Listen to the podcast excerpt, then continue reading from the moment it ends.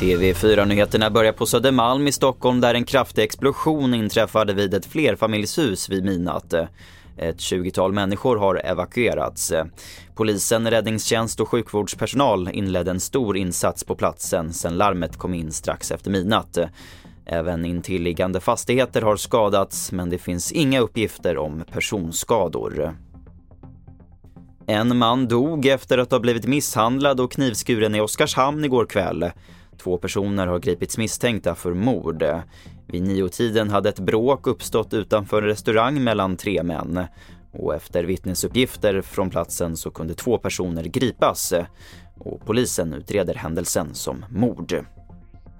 Ytterligare en man avled igår av knivskador i Färgelanda i Dalsland. Mannen som ännu inte är identifierad, anträffades livlös utomhus.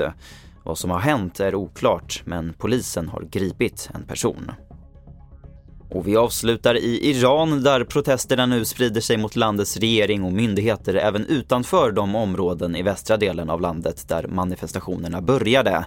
Samtidigt har USAs utrikesminister utlovat hjälp med att få igång de avstängda internetförbindelserna igen. Och det får sätta punkt för TV4-nyheterna. Jag heter Albert Hjalmers.